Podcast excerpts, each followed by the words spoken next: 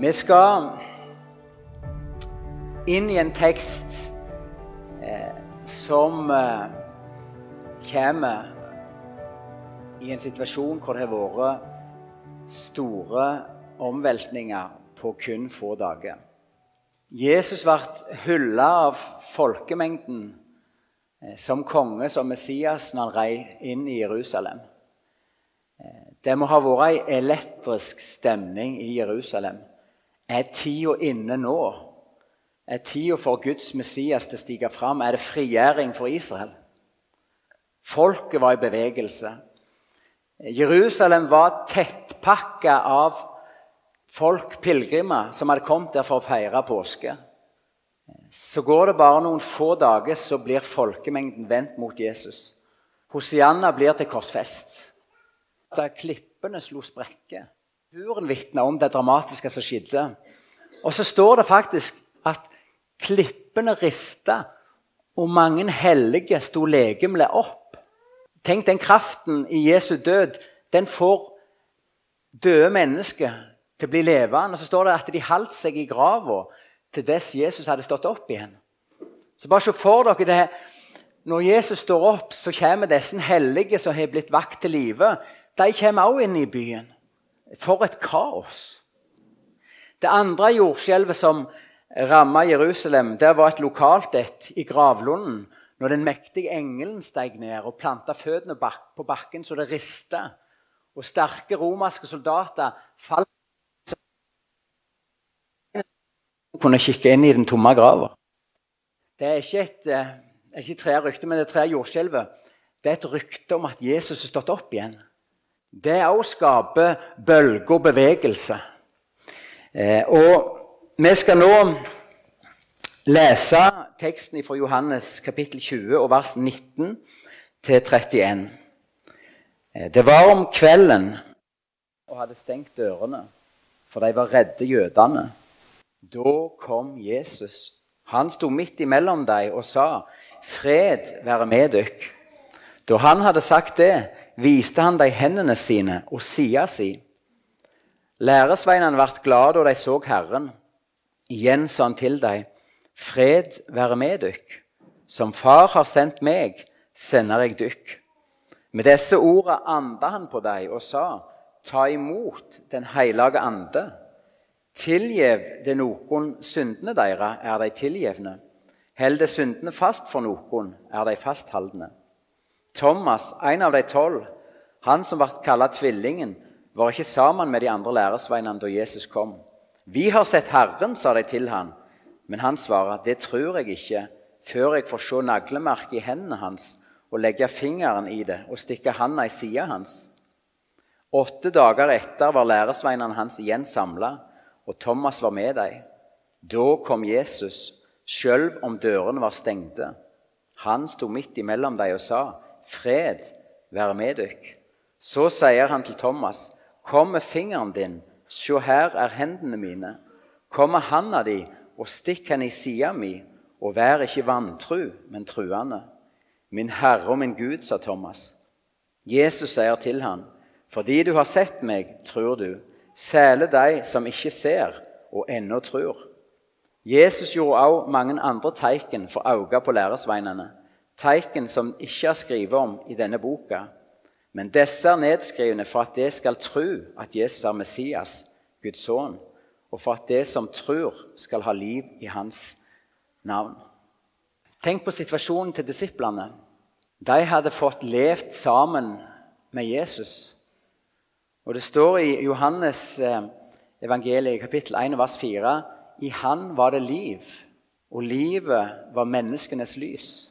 Tenk på disiplene. I over tre år så hadde de fått vandre med han som var livet.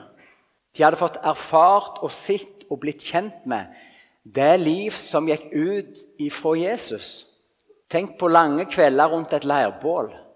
Lange vandringer. De hadde sett hvordan Jesus møtte mennesker, berørte, helbreda. Talte ord som til og med fikk storm til å stilne og hav til å ligge rolig. De hadde sett livet. Hendene deres kunne ha, tar på han som var livet, og de hadde fått sine egne liv forandra. De hadde satsa sitt liv på Jesus. De hadde blitt hans etterfølgere. Og Da kan vi ane noe av dramatikken og tapet i denne påsken i Jerusalem, som de opplevde det. For livet ble tatt ifra dem. Jesus ble reven bort. Fanga, bonden, spotta på, slått på, piska, korsfesta, død. Håpet om at nå er tida for Guds frelse, Jesus er Messias, det har vært revet rett ifra dem. Nå er de redde. De har låst dørene. Og de sitter og har mer ei sørgesamling enn en gudstjeneste for å feire oppstandelse og liv. Det kan vi bare ta som en liten sånn første lærdom. At når vi som disipler kristne, hvis Jesus blir en Jesus som var der i går, eller for ei uke siden eller for et år siden En Jesus som bare var nær og levende i fortid så blir vi som kristne disipler redde. Vi mister frimodigheten, vi blir livredde for alt som er i verden, og vi vil helst stenge dørene og holde møte bak lukka dører. For som de trong, så trenger vi en Jesus som lever og er her i dag. Men de stengte dørene de stenger ikke Jesus ute. Uten at disiplene helt vet hvordan det skjer, så går Jesus Akkurat som han gikk gjennom gravsteinen, så går han gjennom den stengte døra, og så åpenbarer han seg for disiplene. Og redde disipler blir bare enda reddere. Det er det første som skjer. For de tror det var en ånd eller gjenferd. Så Jesus må roe dem ned med å si altså, se på markene i hendene mine. Se på sida. Og I Lukasevangeliet spør han dem hva er det dere eter. Jo, det var steikt fisk. Så eter han litt av maten deres. Og når disiplene forstår at det er Jesus, at det er virkelig han, og at han lever, så blir det hallelujastemning, og minnestunden blir til en oppstandelsesfest. Jeg tenkte på det når jeg var i denne teksten i, i dag morges, at det møtet som disiplene hadde, det gikk ikke helt som planlagt. Eh, uten at dørene gikk opp, så kom det frisk luft inn i rommet. Så tenkte jeg det er mange ganger vi også planlegger i detalj våre møter og, og gudstjenester.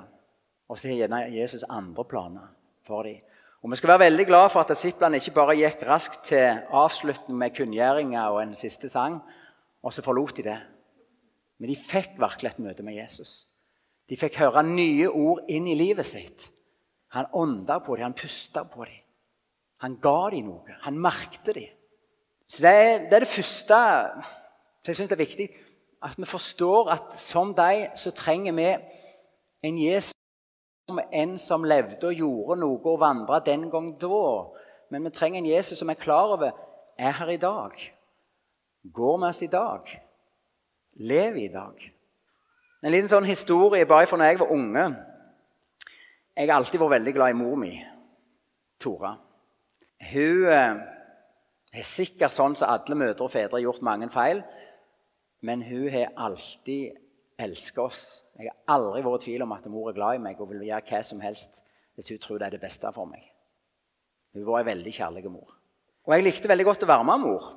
Eh, og jeg likte også godt å være med mor når hun skulle handle. Og På Bryne når jeg var liten, så hadde vi et handelslag som vi kalte for Domus. For de som er kjent på Bryne, så ligger det i gamle, eller i Bryne sentrum. Du hadde Bellesen som solgte softis rett over på andre siden av torget. Så hadde du Domus. Og For meg så var det en gigantisk butikk. Det var jo en oppdagelsesreise gå med mor enten i hånda eller halve i vogna. Alle varene, hyllene, alt vi kunne kjøpe. Det var, det var et eventyr. Og så husker jeg, og det er løye hvordan ting kan brenne seg fast. Sånne små episoder når du er liten. Jeg var gjerne fire-fem år. Men med kassene, og for meg så var det mange kasser der igjen av butikken, så mistet jeg eh, hånda eller vogna til mor. Og så, Jeg var jo låg, så jeg hadde ikke det gangsynet. Så jeg bare kikket, og så tok jeg tak i ei hånd. Da var jo mor der rett, og så kom mor, og da var jeg jo glad igjen. Trygg. Da var jeg på eventyr.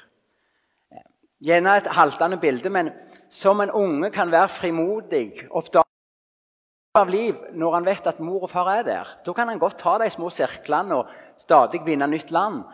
Sånn tenker jeg vi som kristne at skal vi ha den frimodigheten den livsgnisten, den evnen til å gå nye veier, så trenger vi å vite at Jesus lever, og at han er med oss i dag. At han er nær i dag. Når Jesus møter disiplene etter oppstandelsen, så gir han dem tre gaver, som denne teksten viser oss. Han gir dem Guds fred, han gir dem oppdraget, og han gir dem Guds ånd. Jeg skal bare si helt kort om de tre gavene. Det første Jesus gir disiplene, det er han helser dem med fred. Guds fred. Og Det er jo her kilden til liv og kjernen i livet og Det er her det må begynne. At ved Jesu blod så har vi fått fred med Gud. Guds rettferdige vrede og Guds dom over vår synd og skyld, den er sont i Jesu død på korset. En gang for alle ga han sitt liv for oss alle. Så Derfor kan Jesus legge en naglemerka hånd over hvert menneske, over enhver disippel, og helse med en fred. En fred som strekker seg herifra og inn i evigheten. Du eier Guds fred på grunn av Jesu verk på korset for deg. Det neste Jesus helser og gir disiplene, det er en gudgitt oppgave. Og Det syns jeg òg er utrolig stort. For Jesus trekker en parallell imellom hvordan Faderen har sendt han, til hvordan han sender oss. Som Faderen sendte meg, så sender jeg nå dere. Det forteller meg at ditt og mitt liv, du som tror på Jesus Du er sendt av Gud. Du er sendt av Jesus til den verden du lever i, til den gata du bor i, til den bygd og den byen du er i. Det har en hensikt at du bor der du bor. Og når vi er sendt av Jesus, akkurat som Jesus var sendt av Faderen, så er vi også gitt autoritet. Og det skal vi kunne vite at Når vi vil være vitner om Jesus, så er det ikke noe vi tar oss til. Tillatelsen er ikke sånn vi må få av mennesker eller av norske myndigheter. Eller... Nei, autoriteten ligger i sendelsen, at du er sendt. Gud har lagt sin hånd på deg. og Så, eller Jesus lagt sin hånd på deg, så han, Som Faderen sendte meg, så sender jeg deg. Ja, Da må jeg jo bare si jeg, jeg tenkte på en sang. Jeg tenkte på dette punktet. Eh, og jeg har lyst til at dere skal prøve å være med og synge på det. Vi fant den ikke på tekst, men jeg er veldig glad i en gammel sang som sto i Rop ut, som ikke står der lenger. Og Den heter utrolig oppbyggelig 'Tørr og fattig, svak og tom'. Vi prøver oss på den. Tørr og fattig, svak og tom. Du vil gjerne være from, men du ser ditt eget kraftløse liv. Jesus lever, alt er ditt, alt han eier, har han gitt. Du har barnekår og arverett hos Gud. Målet for ditt liv, det er leve Jesus riktig nær. La han åpne himmelens luser over deg. Du vet godt at i Hans ord står det om at Gud er god, men du glemmer at han er hos deg i dag. Jesus lever, alt er ditt, alt han eier, har han gitt. Du har barnekår og arverett hos Gud. Målet for ditt liv, det er leve Jesus riktig nær. La han åpne himmelens luser over deg. Vi er Herrens sendebud. Vi skal vitne om vår Gud, og han sender oss til verden for å si. Jesus lever, alt er ditt, alt han eier, har han gitt. Du har barnekår og arverett hos Gud. Målet for ditt liv, det er leve Jesus riktig nær. La han åpne himmelens sluser over deg. Den tredje gaven Jesus ga sine disipler, det var at han, han pusta på dem og så sa han, 'Ta imot Den hellige ånd. Offerlammet er åndsdøyperen. Jesus gir til enhver av sine Den hellige ånd. For at han skal være i deg og se deg alltid. Og Jesus sa jeg lar dere ikke bli igjen som foreldreløse barn. Jeg kommer til dere. Og Da talte han om den ånd han vil gi, vil gi til de som trodde på ham. Og Det til å ha fått Den hellige ånd og motta den hjelp som Jesus gjennom Den hellige ånd vil gi deg, til å leve, til å tro, det er så avgjørende at Jesus ba sine disipler om å holde seg i ro. Ikke begynne på oppdraget, ikke begynne på arbeidet før de hadde fått hjelperen, før de hadde fått kraften, før de hadde fått Den hellige ånd. Eh, en av de tolv, Thomas, han var ikke der når Jesus første gang kom og åpenbarte seg for disiplene. Han kom for seint til kveldsmåltidet, til minnestunder. Og når han seinere kom inn, så ville han knapt nok tro det han så, for han venta seg å komme inn i ei sørgesamling. Men der inne var det hallelujastemning og oppstandelsesfest. Thomas, vi har sett Jesus! Han var her! Han åt av kveldsmaten vår. Han viste oss sårmerka, sida. Thomas, Jesus lever! Og da reagerer Thomas sikkert sånn som mange av oss ville gjort hvis vi hadde blitt like overraska. Han tar avstand. Dette kan ikke jeg tro på. Han følte seg nok mer på utsida når han hadde kommet inn, enn det han gjorde når han sto og banka på døra for å få slippe inn. Og Så setter han en betingelse for at han skal kunne tro på dette med at Jesus levende oppstått. Med mindre jeg får legge fingeren i naglemerket og stikke hånda i, i sida der, der, Jesus ble stukket med spyd, så kan jeg ikke tro på dette. Så det er egentlig som Thomas sier, Med mindre jeg får erfare det samme som dere nå vitner om For dere har fått sitt, dere kunne ta, så, vil ikke jeg, så kan ikke jeg heller tro. Også åtte dager seinere, sier teksten, da er disiplene igjen samla til møte, til gudstjeneste. Og Thomas eh, var med dem. Og igjen så er dørene stengt. Og igjen så går Jesus gjennom de stengte dørene, og så åpenbarer han seg, gjør seg synlig for disiplene. Det kan vi jo bare minne hverandre om i dag, at eh, Jesus er her i dag. De stengte eller åpne dørene de, de, de stenger ikke Jesus ute. Selv om vi ved vår fysiske øye ser han, så er han her. For han har lovt at der to eller tre er samla i mitt navn, der er jeg midt iblant dere. Og akkurat som med Thomas Jesus hørte Thomas sitt krav. Thomas sitt urimelige krav for å kunne tro. Jesus hører også de tankene vi tenker som ikke er bønn. Av og til kan vi tenke at Gud hører når vi ber, men så er det sånn at vi skrur av lyden. og så... Nei, vet du hva? Gud hører også dine spørsmål, dine rop, dine tanker. Han vet akkurat hvordan du har det. Og så henvender eller Først hilser jo Jesus disiplene med fred. Og Så henvender han seg til Thomas. 'Kom med fingeren din. Se, her er hendene mine. og Kom med hånda di. Kjenn på sida mi. Vær ikke vantru, men truende.' Og så feller, Jeg ser for meg at Thomas feller ned på kne og så tilber han 'Min Herre og min Gud'. Min Herre, min Gud. Og Thomas får på sett og vis sitt urimelige krav oppfylt. Han kan komme med fingeren og kjenne på hånda til Jesus og ta hånden og legge den i sida. Men han får også en mild irettesettelse. Vær ikke vantru, men truende. Og Det var noe Jesus måtte formane og irettesette alle disiplene. At de var så trege med å tro Skriftene. Altså Det var som om lufta ble slein ut av magen på disiplene når dramatikken skjedde i Jerusalem. Jesus ble revet ifra dem. Alt så ut til å falle i grus. At de ikke holdt fast på Skriftene og trodde Skriftene. For Skriftene vitna jo. og Jesus sa det igjen og igjen til dem at menneskesønnen skal overgis i synderes hender og bli drept, men på den tredje dagen skal han stå opp. Det klarte de ikke tro. Det holdt de ikke fast på. Og det var som om Jesus sa til Thomas Thomas, det var bedre om du hadde trutt de som vitna om min oppstandelse. Skriftene og de vitnene som først fikk se meg.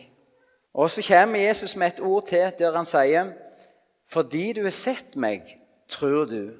Salige er de som ikke ser, og likevel tror. Og Det er et ord til oss i dag. Jesus erklærer deg salig.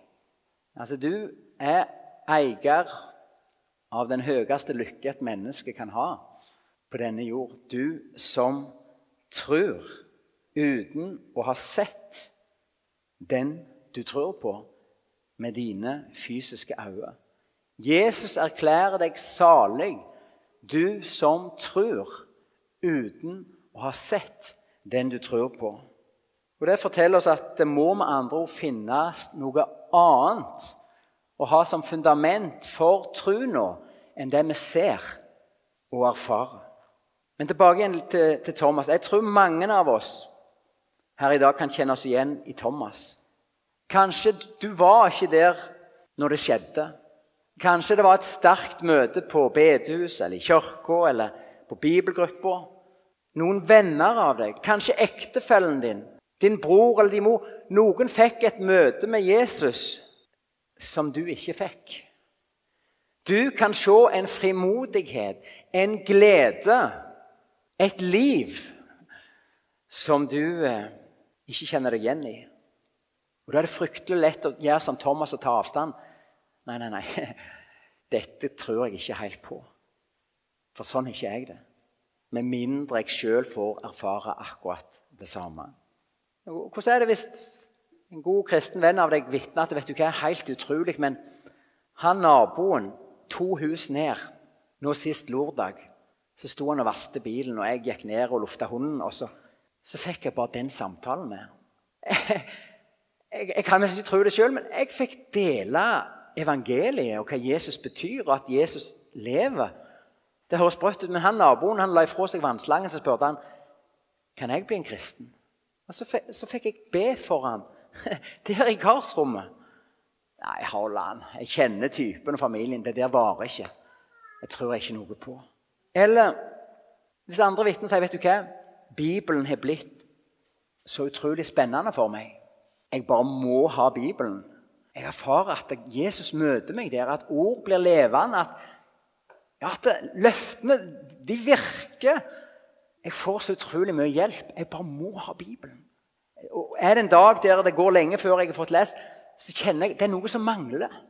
Hvordan reagerer du hvis den kona di vitner sånn etter du, er, du kjenner bare at det er så tungt, alt dette med Bibelen. Og Det er nesten som du ruller ned rullegardinen og vil stappe fingrene i øret hvis du hører en tale om at, eh, hvor viktig det er å lese i Bibelen. For det er så tungt for deg. Du syns det er så lite liv. Det er så mye plikt, det er så mye dårlig samvittighet. Er det lett å bare ta avstand og si du, sånn er ikke jeg det. Det der går over, det roer seg ned. Eller hvis andre vitner, vet du hva?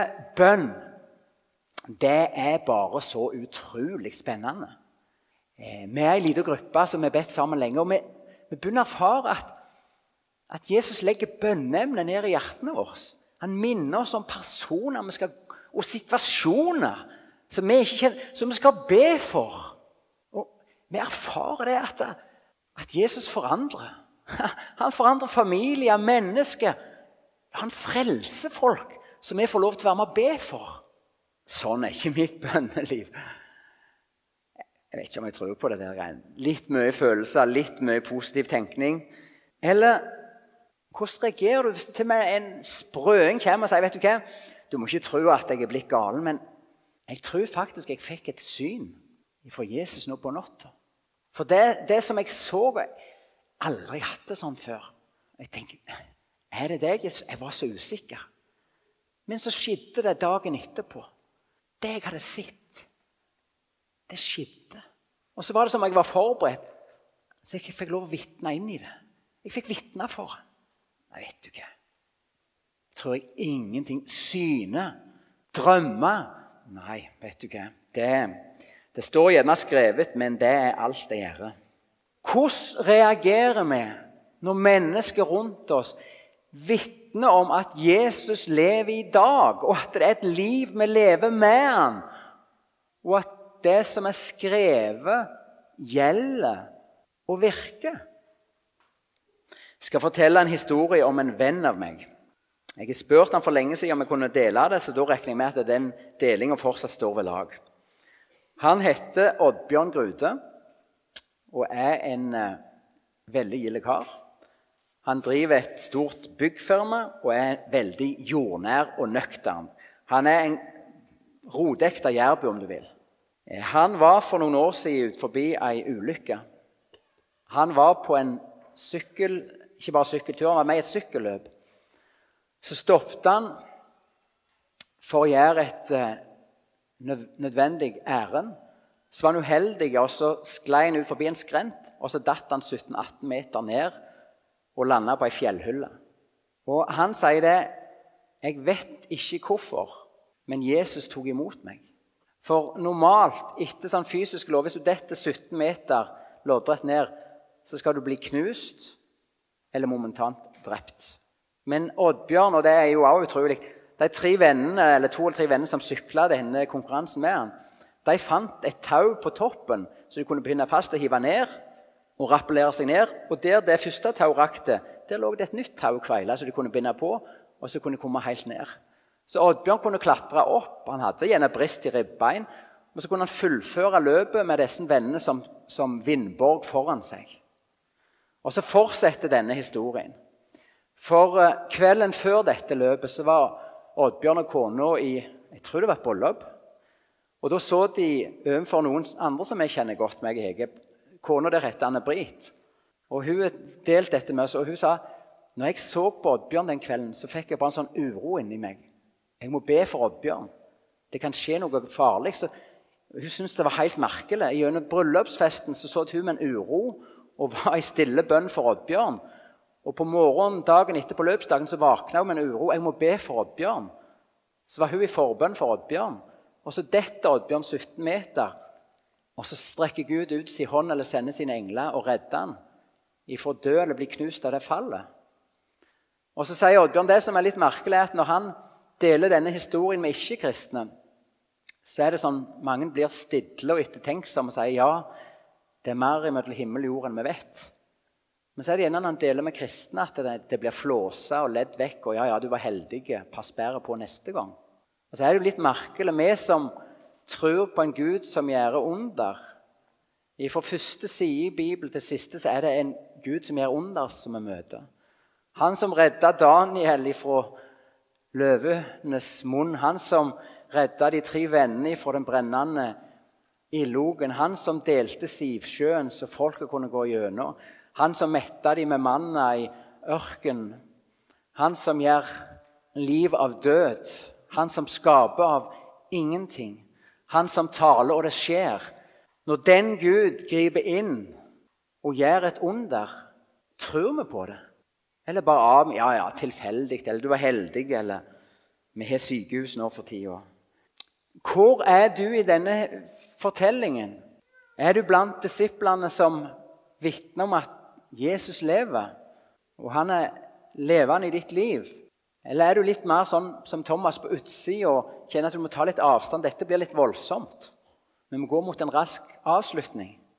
Jeg kan ikke tro på dette, for jeg har ikke erfart det samme sjøl. Så, så, står det videre at Jesus gjorde også mange andre teiken for øynene på disiplene. Teiken som de ikke har skrevet om i denne boka.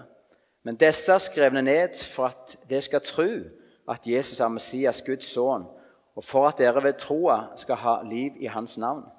Og Det som denne bibelfortellingen avslutter med, det er til å gi oss kristne et utrolig grunnleggende og viktig prinsipp for livet som kristen. Jesus sier at Bibelen, historiene om Jesus, det som er skrevet ned, det er skrevet ned med en hensikt for at vi skal tro. Så Det som kan hjelpe et menneske til tro, og det som kan gi et menneske et fast fundament for troen, det er Bibelen. For det er skrevet med en hensikt for at vi skal tro.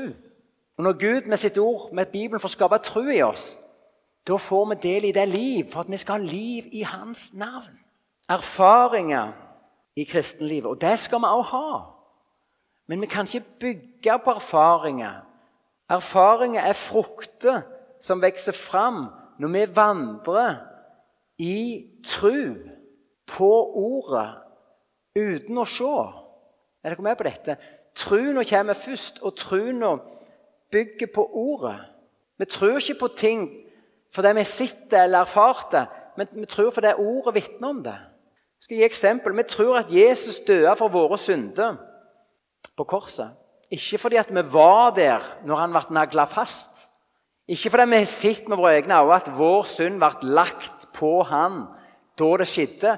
Men vi tror det fordi Bibelen sier 'Se der Guds lam', som bærer bort verdens synd. Vi tror på oppstandelsen, vi tror på ei tom grav. Ikke for at vi var i hagen og sto klar til å se når det skjedde. Men vi tror det fordi at Bibelen sier at på den tredje dag så sto han opp. Vi tror at hver gang vi bekjenner og angrer vår synd, så tilgir Jesus oss. Ikke fordi vi alltid føler oss så rene og merker at 'Å, det ble jeg tilgitt'. Men vi tror det fordi Bibelen sier at hvis vi bekjenner våre synder, så er han trufast og rettferdig, så han renser oss. Vi tror det fordi Gud sier det i sitt ord. Og Dette er et prinsipp som gjelder for hele kristelivet. Vi tror fordi Gud sier det. Vi tror fordi det står skrevet. Og Det kan overføres til hvilket område du vil i livet som kristen. Vi tror på bønnesvar. Vi tror at vi har adgang til nådens trone for å få nåde og hjelp i rette tid. Ikke fordi vi alltid liksom åh, der nådde bønna helt hjem. Ikke fordi vi er så skråsikre når vi ber, men vi tror det er fordi Bibelen sier 'be, så skal du få'. Leit, så skal du finne. Og Gud sier 'ro på meg, så vil jeg svare deg'. Og si det står skrevet, si vi da tror på det, så ber vi. Så leter vi. Så roper vi. Og underveis, når vi lever et liv der vi ber, leter og roper til Gud, så erfarer vi at vi får bønnesvar. At Gud står bak sitt ord, bak sine løfter. Men dere ser hva som kommer først. Vi gjør det fordi det står. Vi tror det fordi det er skrevet. Og så kommer erfaringene, fruktene, fordi vi vandrer i tro på ordet. Vi tror at vi får åndelig mat når vi leser i Bibelen.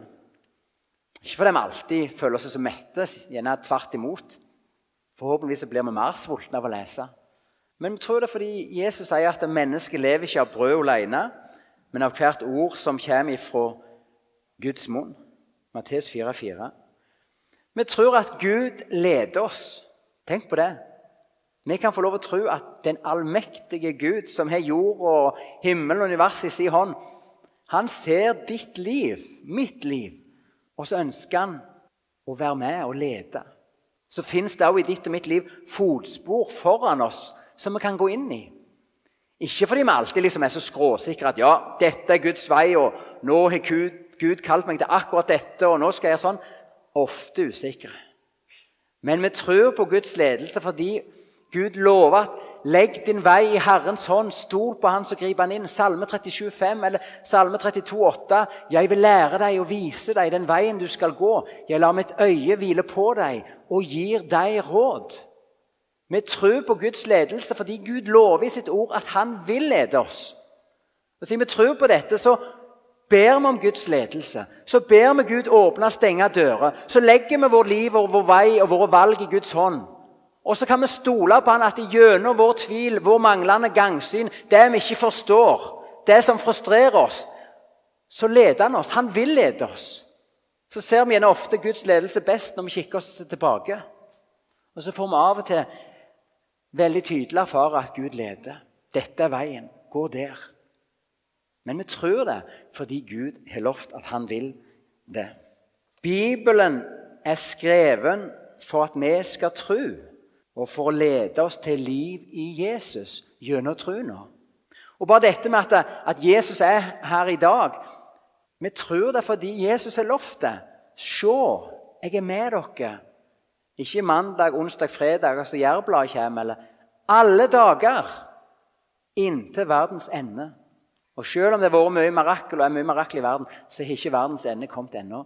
Så Jesus har lovt å være med hver bidige dag inntil verdens ende. Jeg tror at vi alle står i fare for å redusere Bibelen. Ikke at vi klipper ut eller setter strek over at dette tror vi ikke på, men i praksis så står vi i fare for å redusere Bibelen ut fra vår egen erfaring, forstand og tradisjon. Jesus møtte disiplene og ga dem tre gaver. Han ga dem Guds fred, han ga dem oppdraget, og han ga dem Guds ånd. Vi trenger en hel bibel for å leve et helt liv med Jesus. Og Det er mange ting som møter oss i hverdagen i livet, som vil prøve å ta ifra oss Jesus og det nære forholdet som vi har til han. Og I møte med alt dette som vil slå luft ut av magen på oss, så er det viktig at vi har et fast fundament for troen vår, det som står skrevet. Men disse er nedskrevne for at de skal tro at Jesus er Messias, Guds sønn, og for at det som tror, skal ha liv i hans navn. Det som lå meg på hjertet i dag, det var til å si at det fins en kilde til liv som aldri går tom. Det er Bibelen, Guds eget ord. Drikk av den kilden. Den skaper tru, og den gir deg liv i hans navn. Jesus er den samme i dag som vi leser om i Bibelen. Han går fortsatt gjennom stengte dører for å møte sine disipler. Og vi er redde og mismodige og vi er frimodige, så går Jesus for å møte oss. Og han er her i dag. På grunn av oppstandelsen så er Jesus her i dag. Og Kanskje er det deg han på en spesiell måte vil stoppe for i dag. For jeg tror at Jesus både møter oss som menighet, som flokk, som fellesskap. Men han er alltid akkurat stoppe for den enkelte, for deg. Og han vet akkurat hvordan du har det. Kanskje du trenger på ny å få lagt den naglemerka hånden over livet ditt. Kanskje det er ting som plager deg, ting du ikke klarer å tro deg tilgitt for, ting du skal få lov å legge av deg så vil han legge Guds fred tungt over ditt hjerte og over ditt liv. Ta imot min fred. Kanskje noen her ikke ser at Gud har en oppgave for deg, at Gud har bruk for deg.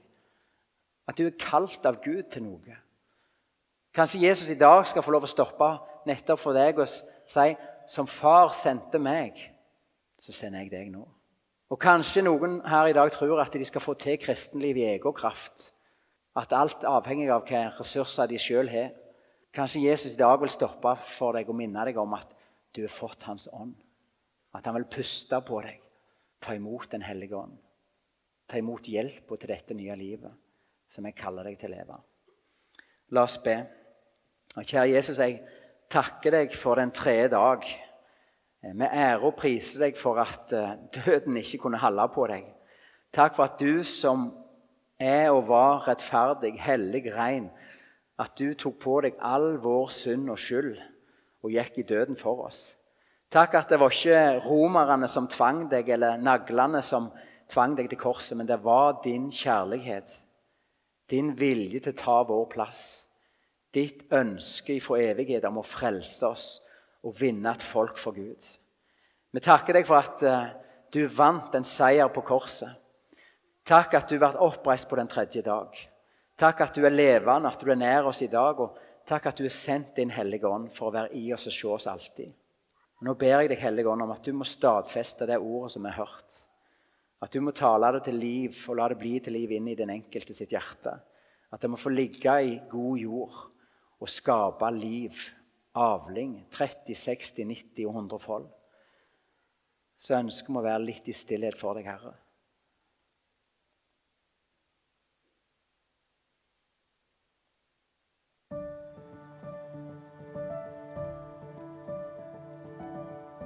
Jesu navn.